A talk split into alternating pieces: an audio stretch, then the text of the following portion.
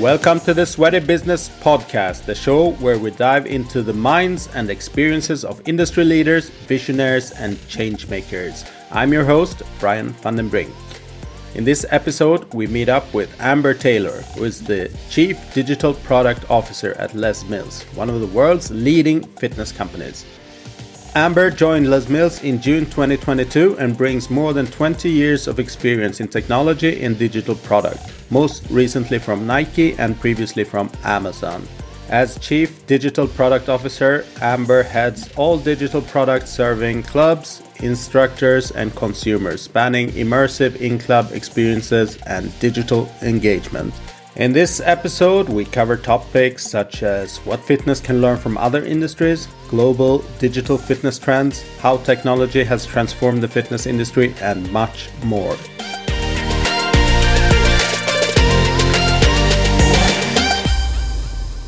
Welcome back to another episode of the Sweaty Business Podcast. Uh, this time we'll do it in English since I have um, international guests here from Les Mills. Amber Taylor, welcome. Hey, great to be here. Thank you so much. How are you doing?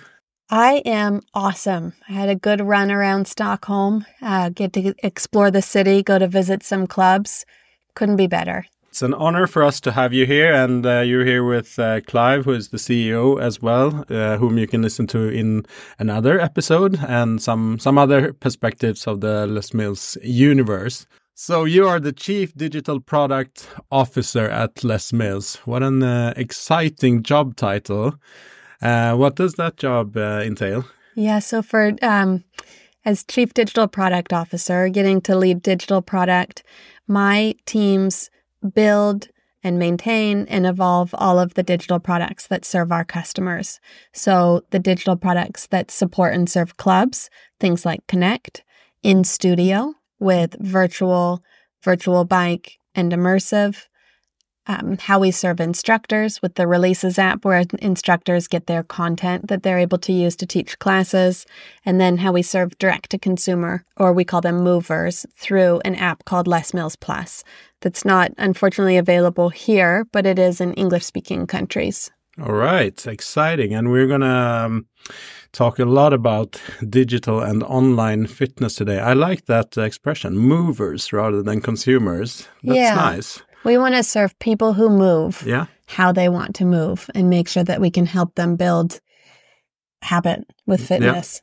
Yeah. Unfortunately, the Swedish uh, equivalent isn't that good, so we'll have to find some other. We'll need another word yeah, then. Because I always think of that when I'm writing about uh, fitness consumers, members. It's like consumers. It doesn't feel right, Yeah. even though they are consumers. But Yeah. movers much better. All right, um, we'll start off uh, a bit easy with some uh, intro questions for the listeners to get to know you just a little bit. Yeah. Uh, so, what do you read? Oh, I read lots of things. I love reading blogs and newsletter updates and books and some of the mindless magazines. I won't lie. I was going to lie and say that I only read philosophy and business, but I don't. I like Hello Magazine, but I read Fit Insider. I love a blog called Morning Brew, Stratechery. I like seeing what's around the corner with technology trends. Um, things like uh, Nir and Far. It's a blog about habit formation and how habit and psychology work together. Ben Horowitz for investment trends and um, Emerging Tech Brew, another big tech blog. So a mix of tech and fitness, and then my Hello magazine. yeah, a lot of interesting uh, things there. I'm going to look them up, some of them. Um, what do you listen to? I listen to a lot of podcasts. Um, I have the I have the benefit of getting to walk commute to work, and then I run quite a bit too. So when I'm doing that, I'll listen to podcasts to keep learning. And I love Prof G, Professor Galloway. He talks again about business and technology trends, a little bit on human psychology, um, Pivot, which is another one, similar tech trends, Huberman Lab, which talks about how the human mind works and what's going to help people and what people need at certain moments in time.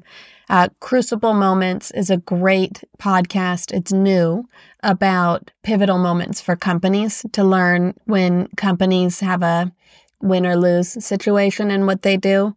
And then when I kind of just want to turn my brain off, I listen to Smartless, which is a pod of a bunch of Hollywood dudes not being very smart, and it's quite funny. So All right, interesting.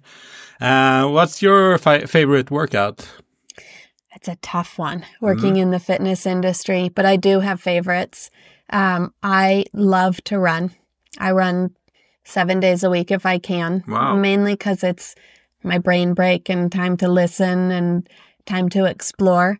And then I do love Les Mills classes very much. I specifically love body balance, um, mainly because it's a great complement to running and it helps slow down and chill out a little bit. But those are my two favorites. Yeah. All right. So, are you based in uh, New, New, Zealand? I am. You are. Yes. All so, right. I've been in New Zealand a year. You can't tell from my accent because I'm from the U.S., but we're based in New Zealand. Yes. Yeah. Um, if you'd get an unlimited amount of money for a single uh, project or purpose, what would you spend it on? I love this question. And it's also a hard question. Um, but the biggest thing is I would invest in getting kids to move as communities and teams. And the reason is I think as we build a bigger base, a bigger mover base, bigger habit with fitness, it helps everybody. Mm. And fitness is the great equalizer. Doesn't matter where you came from, doesn't matter what your income is. Um, I, I, I want to get kids playing together more to learn team kindness, movement, self esteem, growth, putting in the hard work to get the outcomes. Because I strongly believe that if we invest in kids, but in getting everybody to move, it will help society grow.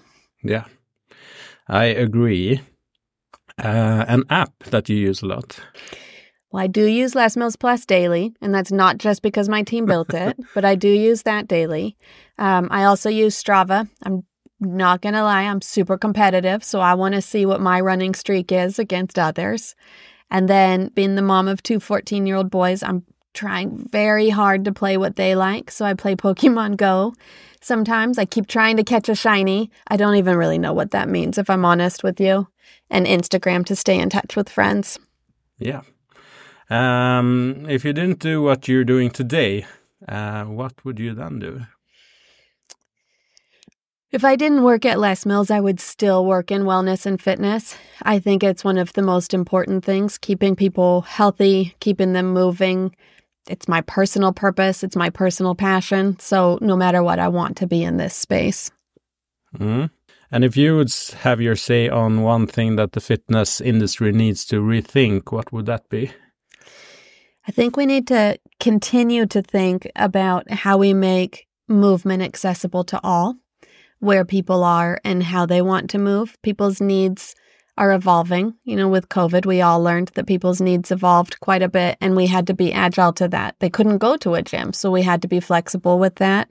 Um, but I would more look at, to use a big word, how do we democratize fitness? How do we make it accessible to get people started. That doesn't mean make it all free everywhere in the whole world, but it means how do we get it in front of more people to start building those healthy habits, which will then benefit people and the industry. But we've got to start by making the hurdle to start on a journey of fitness dead simple mm. and then continue to lean into how we build a habit to keep people in it. Yeah, and that's interesting because uh, if you speak to people in in the within the industry, they most of them would say like, "Yeah, we are accessible. Everyone is welcome to our facilities or or whatever." But still, we see like there are a lot of people that are not attracted to fitness. Yeah, we had a um, Gen Z study done last year, and we found a good percentage of people have something that we call gym intimidation, where they're nervous just to walk through the front door. So how do we how do we make it easy to start and then as people build up the confidence and what they want to do and build up their need or their needs change and evolve and they need more weights or more classes, then they'll walk through the door, but if we can't people get people to walk through the door, we kind of all lost. Yeah, for sure.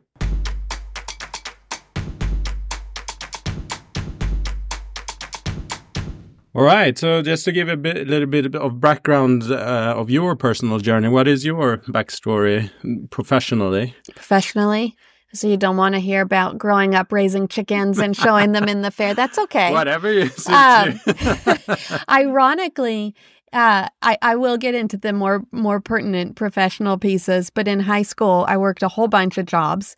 Um, but working the desk of a 24 hour fitness gym was one of my first jobs. I would work the midnight to 4 a.m. shift, which I do not recommend for high school students because you're exhausted during terms. Um, but then coming out of school, I actually taught special ed at first. And then I moved into and worked in marketing for 10 years and then um, worked in digital product. So I started on my journey more in B2B technology companies, big web middleware companies. And then I worked at Amazon for a long time. And I started at Amazon in marketing. And then I actually switched to digital product because I wrote a business case to launch a sport and fitness experience within Amazon, and they needed a product person to lead it. So that was a good tipping point for my mm-hmm. whole career. And from there, I've been in digital product ever since. I went from Amazon to Nike, and then and then Les Mills a year and a half ago, which has been awesome. Exactly what I want to do. Yeah, a very interesting background, and also combining like your interest and passion for fitness and movement, but with the digital skills, which I think is is lacking a lot in within the fitness industry because it's kind of an analog business that's being digitalized now but yeah. uh, I, I i can see some lack of like resources and we need more digital people but that also understands the the industry we and, need and to speak business. both sides yeah because yeah. i think if we try to lead and say here's the best digital solutions for anything, but people don't adopt it, it doesn't matter. Mm. It doesn't matter how good the technology is if it's not usable. And likewise, if we don't keep up with how we leverage digital solutions to serve movers or end consumers, we miss an opportunity to serve them how they want to engage. Um, but it is a, it is a balance because tech on its own can't solve anything. Like you can invent cool software, but that doesn't mean anything if it's not purpose built. So it's definitely a fun space and it's definitely evolving. So it's a neat one to get to to get to lead in, which mm-hmm. is quite fun. Probably a, a, huge question, but what can fitness learn from other industries? What would you say? I think looking back um, specifically at the tech industry, you know, I talked about tech on its own can't solve anything. So always start with what the consumer needs and work back from that. And then try to try to simplify it and make it as lovable as possible. So things like the ability to go from intent to impact as quickly as possible. At Amazon we would try to do that. If we knew that somebody was in a shopping intent, we wanted to get them to make a purchase in as few clicks as possible, fueled by technology. And so with fitness, if we know that somebody has a propensity, that they're a good candidate of somebody who's going to work out, we need to capture them where they are. Could be on social media, could be walking down a street. Um, and then we need to use that moment to convert them to get them into their first workout.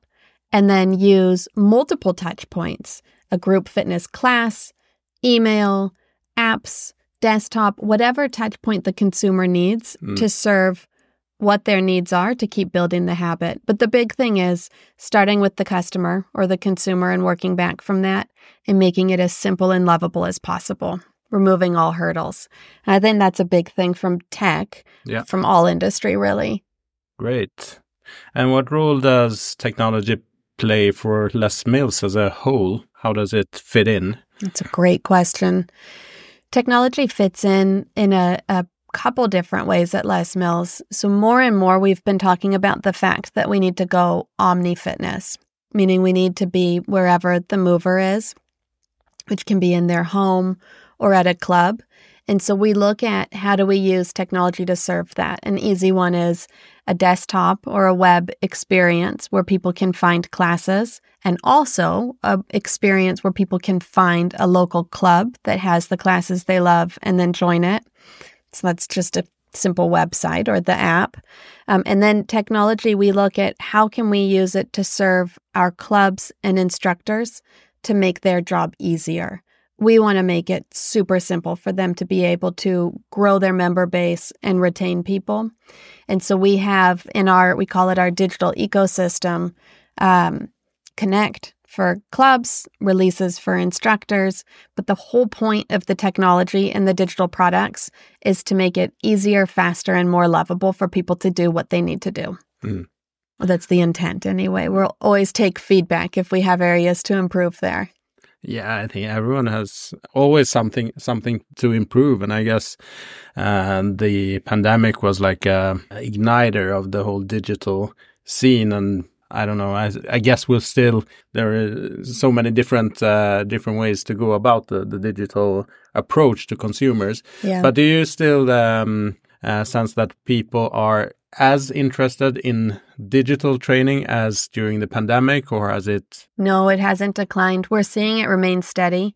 And what we're seeing is gyms or clubs are back to pre pandemic numbers, but the vast majority of people going into gyms are also augmenting their routine with digital fitness at mm. home.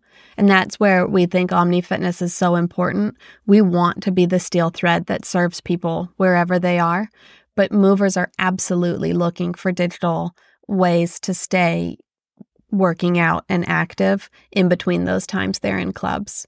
And then digital is also serving as a big traffic driver and a big awareness driver to get foot traffic into clubs. So it kind of yeah. works both ways. You need it to drive awareness and drive foot traffic, but then to truly serve the consumer, having digital that helps them move or track workouts or be in a community when they're outside of the club is almost equally important because that's how you can retain people. Hmm. Interesting. Well, how do you, as a company, work to stay on the forefront of the whole digital space? I mean, technology is evolving, trends are coming, going, uh, consumer movers' behaviors are changing.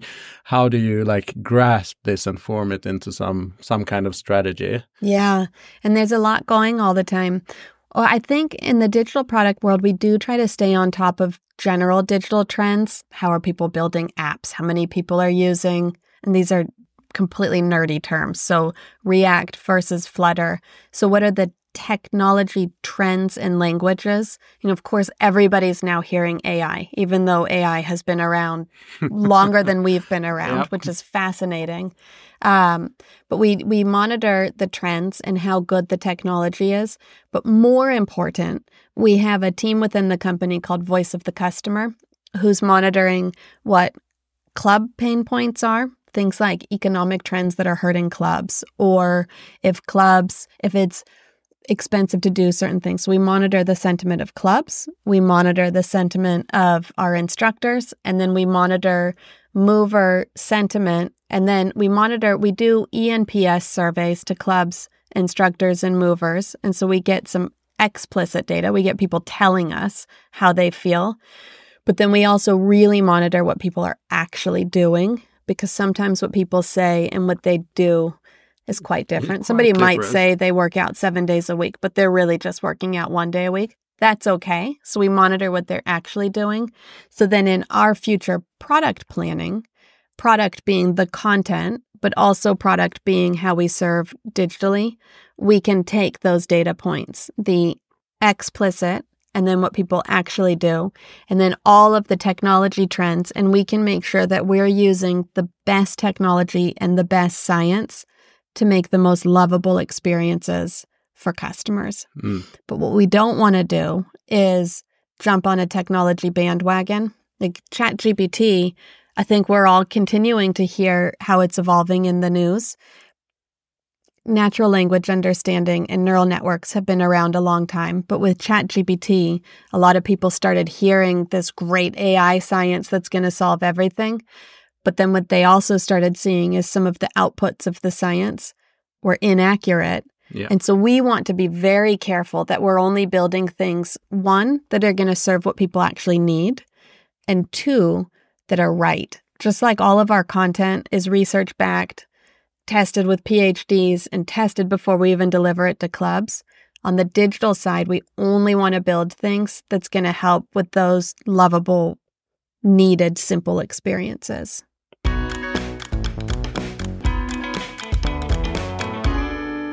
in what ways has technology transformed the fitness industry, and how does Les Mills leverage digital products to enhance the uh, fitness experience? Yeah.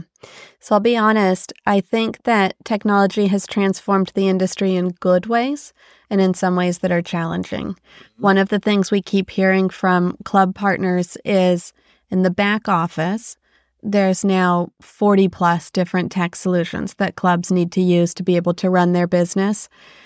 And unfortunately, I would say that's a bad evolution yeah. if it's taking people extra time away from their day job. Because again, technology, the whole point is that it's supposed to make things faster, easier, simpler, better for the user, better for the customer.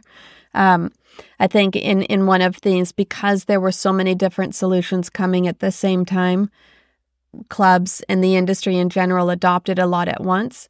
And sometimes, not all the time, it made the day job harder. And we're looking at, we Les Mills, but I think people in the technology space in general, we all need to keep looking at what's going to make the day job for back office easier. And then what's going to make the purpose of the business having a gym, getting people motivated, bringing them in to work out, retaining them easier. Mm. And so, what Les Mills is really doing is we're really obsessing that where do we meet that middle ground of make it easier for a club to do what they need to do, i.e., find an instructor, get the instructor trained, have the best classes and content.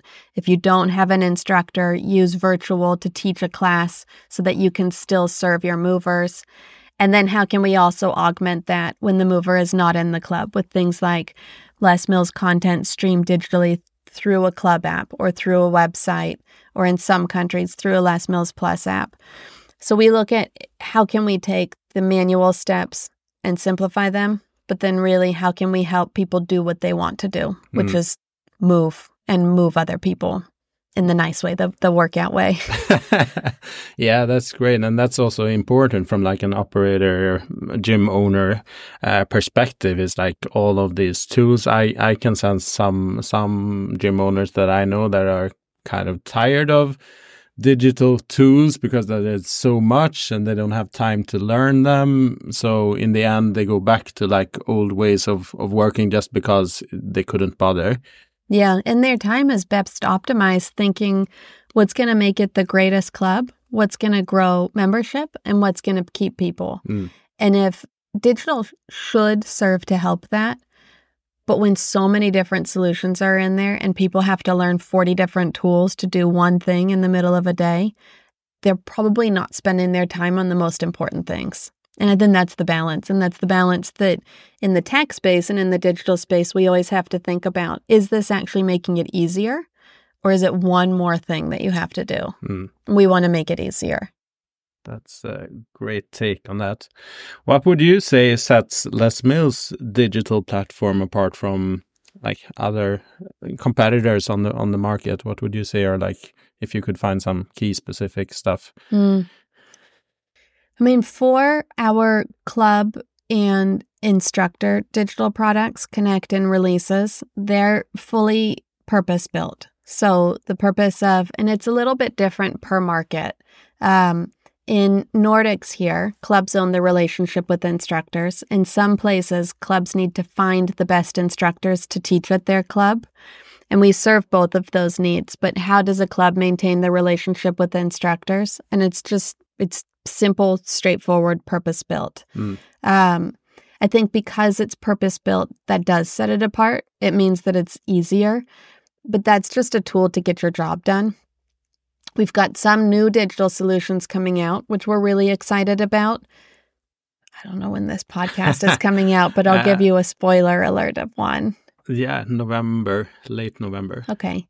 So we will be rolling out um, the ability to get content to clubs easier for clubs to be able to embed that on their website or in their apps, but still to have that as part of a broader ecosystem if a club wants to make it easier to get the content. Um, that was a little bit cloaked because it's something that's not launched yet. All right. Um, but I'd say th- I'd say the biggest thing that differentiates the products is the ones that are business to business or the ones that are to serve clubs and to serve instructors are purpose built.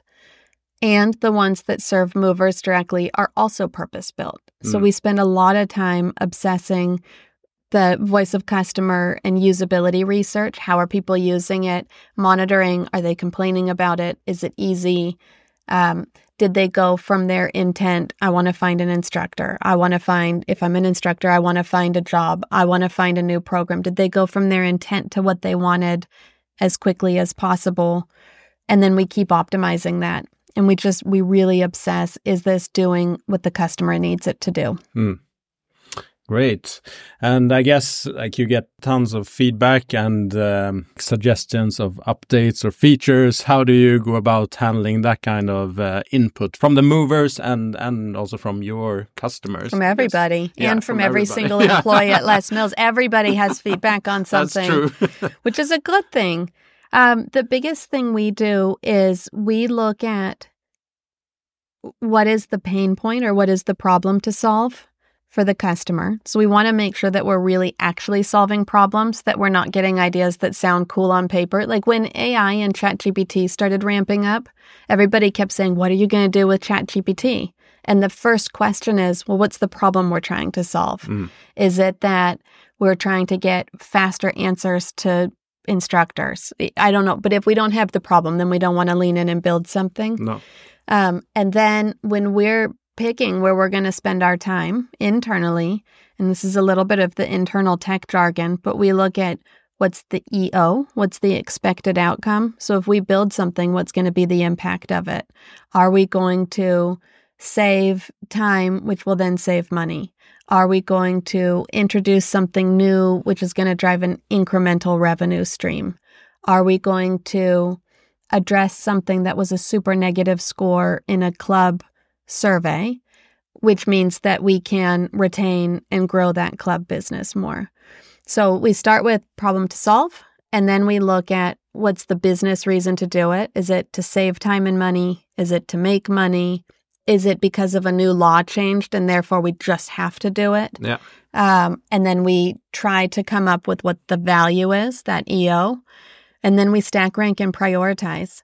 Because I'll tell you, we internally we have we have a roadmap that's 18 months out of everything that we're going to build.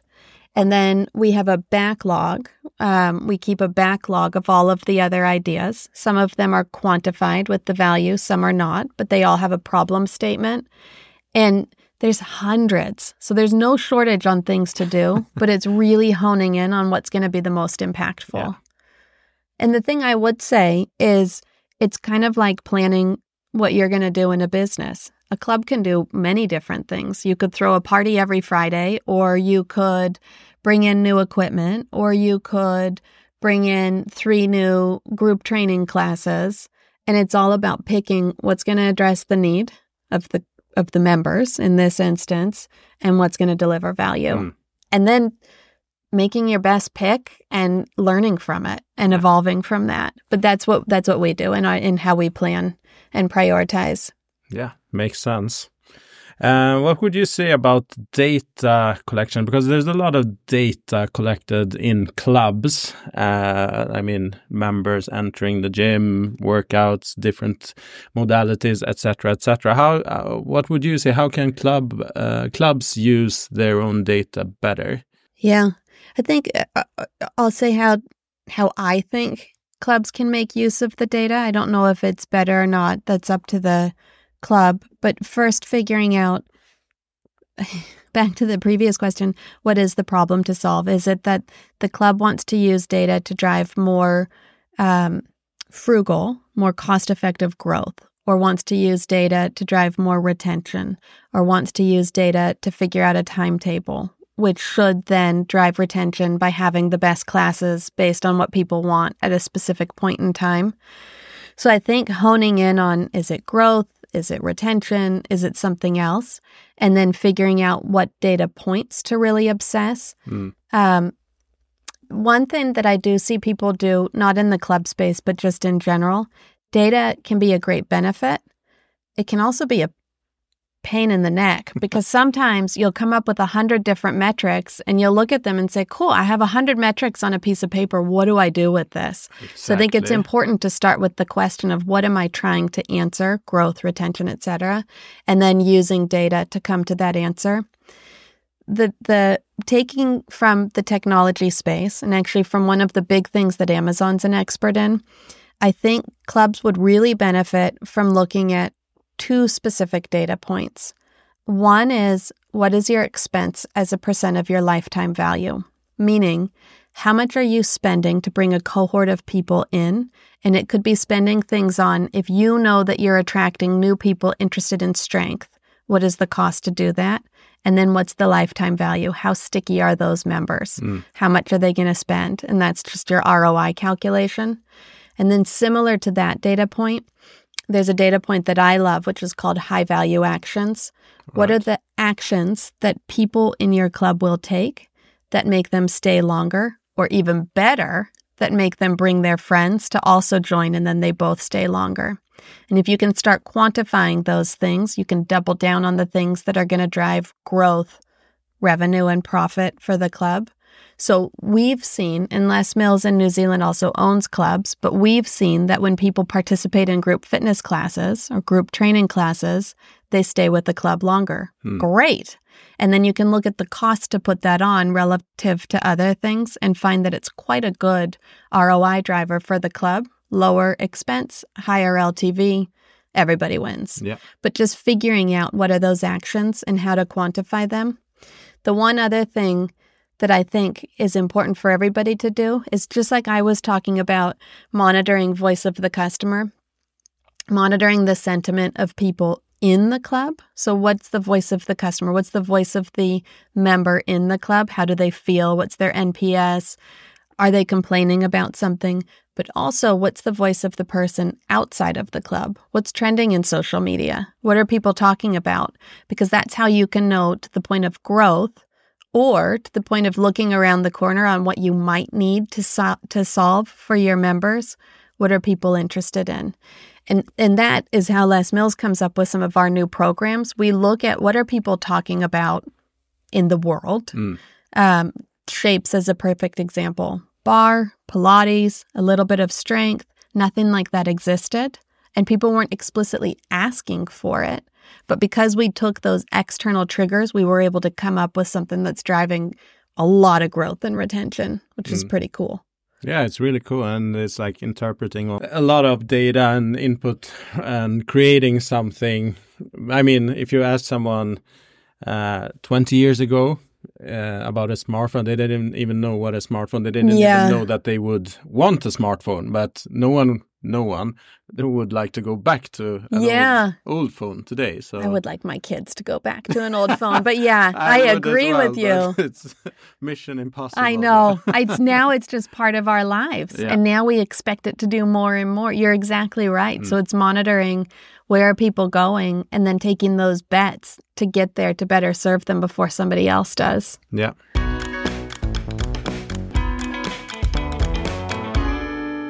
Yeah, and I'm also interested. You were talking about like global trends and so, but do you see mm, you're operating on a global scale? Are there big differences between different uh, regions, or is it more or less the same trends that we're seeing globally? It's more or less the the same trends we see in some regions. People engage with different content, um, like in Brazil, people really like trampoline classes, but we don't see that in other places. So yeah. that's interesting. Um, yeah, it is. By the way, I like trampoline. They're actually really fun. you feel fun. like a kid again, but they're not trending everywhere. No, no. Um, so that's an interesting one. I think the ways that people are engaging are pretty consistent in real life and in your pocket or at mm. home. Um, and when I say in your pocket, I mean being able to pull out a smartphone and find a workout or find inspiration, just do it wherever you are. Those trends are fairly consistent anywhere in the world. And and actually it's because of your point about the invention of smartphone and people got so used to having it with them all the time. They just expect what they want to do to be there mm. in addition to being in real life. Exactly. Hmm. Interesting. And um, where do you see the fitness industry heading? If you could, are there some big trends that are coming that you already now can say something about? Yeah, we've been we've been really leaning into this. So for a while, we've been saying omni fitness, and we do believe omni fitness is here to stay. People will be in real life and they will work out at home or on the go or on the road. And that's great. Mm. That's how we're going to keep them having a habit with fitness. Ideally, we can keep them having a safe and consistent habit. Um, so, Omni, definitely. We're seeing VR continue to pick up a lot, which has been fascinating. So Les Mills has a body combat yeah. app with um, with Meta, and we're seeing that grow in interest. And that one's been quite interesting because we kind of did it as a bet and then it took off. And then we're also starting to see things like augmented reality and using computer vision for people to have gamified fitness experiences. It's it's a riff on VR, another another way to engage yeah. with content. But we're seeing that people are starting to have gamification with content and then gamification with fitness, which are both different, where the gamification with content is interaction with the content itself which happens on a digital screen, but then the gamification with fitness. Some are community based and some are competition based, and we're seeing both of those persist. I don't know that that's a new trend. It's just there's, um, it's being fueled more because digital is picking up more and more. So people expect it in the club and at home. Hmm. Um, and about speaking about VR, are people doing doing it at home or in clubs? Where do they use these uh, VR headsets? Yeah. So unfortunately, we don't have the data on where ah. they're using it. Um, we have been hearing anecdotally from many of our partners. People will pick up the VR headset and play around with it in a club, but then they'll actually do the VR workout at home. So they'll discover the ability and it'll be a cool thing to try in a club, but then they'll do it more at home. Um, we have one in the office, so we yeah. have people doing VR body combat in the office, but I don't know that that's a totally normal thing for people. Probably not, but uh, but just looking at my kids, they are four and nine. We do some workouts, uh, YouTube workouts, some kids awesome. workout and uh, there's a lot of gamification going on there. So I could see if you added like a VR or AR yeah. Um, filter on that, I mean, it would be it's huge. insane. it's huge. It's just fun. It's fun for kids and for adults. Yeah. So we're really monitoring that space, and we think that there's a lot more to come there because people expect new experiences. They want to try new things, mm. and I think some of that's just keeping fitness new and exciting. If we were all doing the same thing we did for the past 40 years, we might get a little bit bored. Um, and so it's just the ability to test and to add new things for people while still maintaining the thing that you loved your whole lifetime with fitness. Yeah. Um, and uh, more about trends are the on online workouts uh, are the, the most popular online workouts are they the same that are popular in clubs Body combat is the most popular everywhere. It Still, yeah, even online. Um, and we do sell equipment to at home movers as well. That one's definitely trending high. We test some of our new content online before it goes to clubs, so it's not a good parity metric of what's trending. Yeah. Um, but we do see similar trends. And actually, we use the trends of what we've tested online in our club conversations to say, hey, we're really seeing shapes mm trending with Gen Z audiences. We recommend you try it because we have the data to be able to tell them that. But we are seeing it's pretty similar in both instances. Now, one thing we are looking at doing is you can have a great shapes group fitness class but at home, you might want the shorter duration or you might just want a cut of it. So, what people are doing with that content, it's the same workout, but what people are doing with it, the duration or when they start and stop is different. And those mm-hmm. trends are different. Yeah. So, looking at myself, I do like running and strength training out outdoors or in in the gym, but also some mobility workouts and um, that flexibility and that I do at home. I use YouTube; it's for free. Yeah, yeah, super smart. Tons, tons but content, you should but... do core. Core. We have we have studies that prove that core will help you reduce injury. I'm a runner also, yeah. and I am a runner who's perpetually actually less injured now but you should complement that with core. Yeah. Mm, I might try that. As a leader in in the digital fitness space, what do you believe are critical factors for sustaining a long-term success and relevance? As I as I spoke earlier, we've seen a lot of stuff coming during the pandemic. Some have gone, and some have evolved into some something else. How how do you think it's uh, it will be possible to to sustain to this? Sustain thing? that, yeah. I think um, there's two main things. One really truly keep listening to what the mover wants.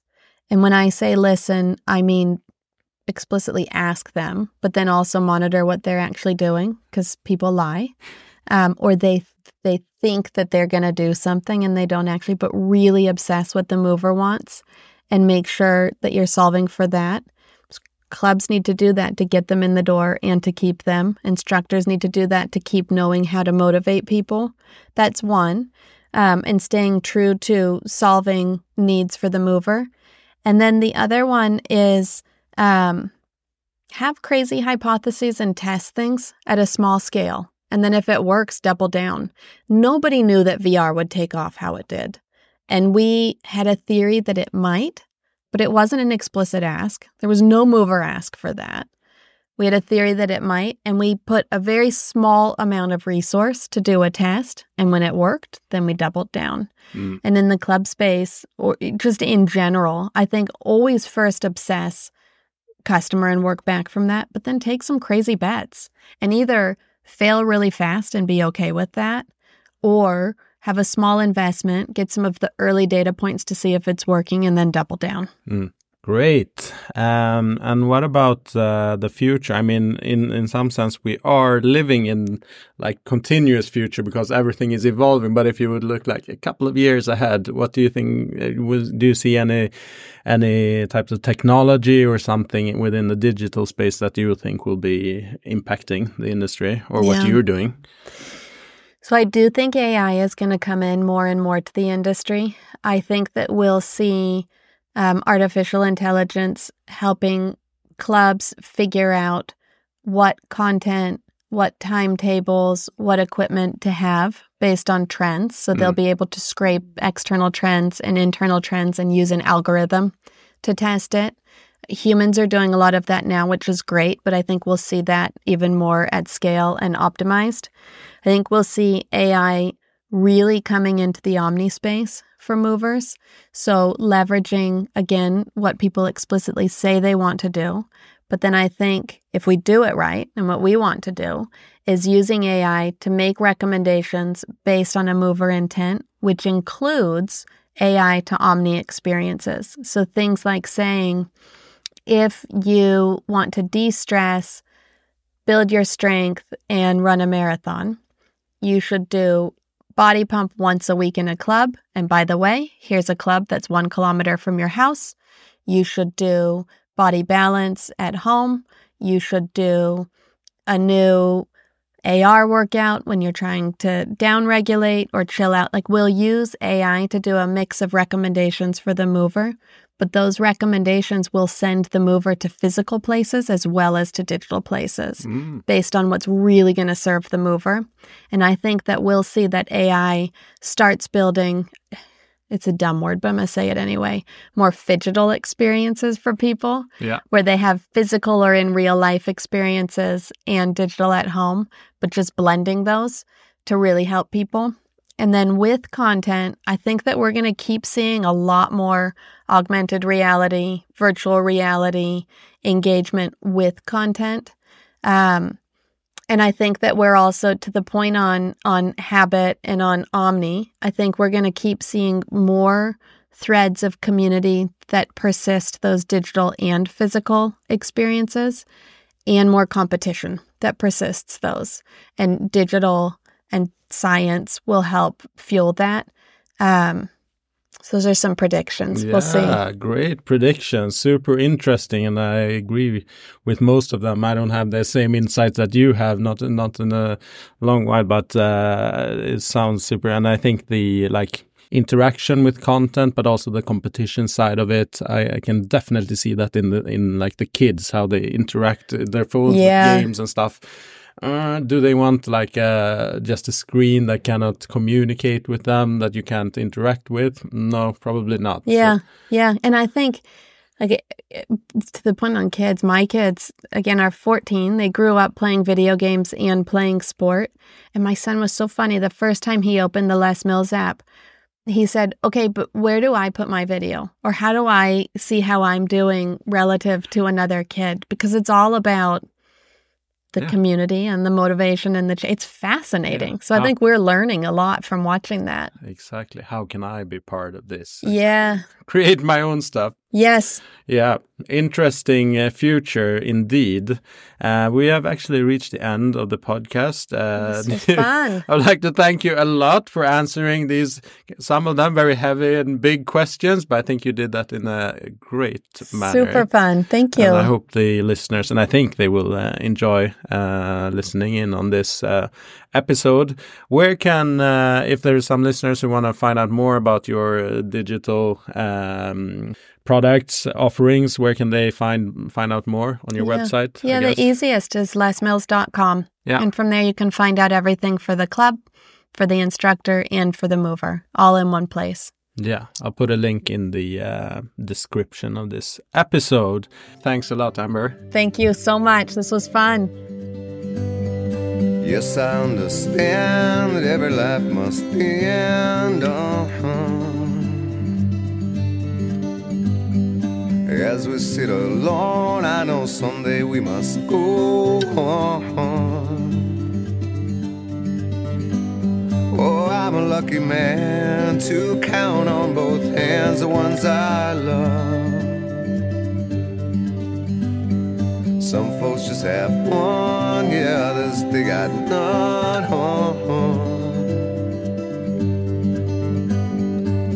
Stay with me just breathe.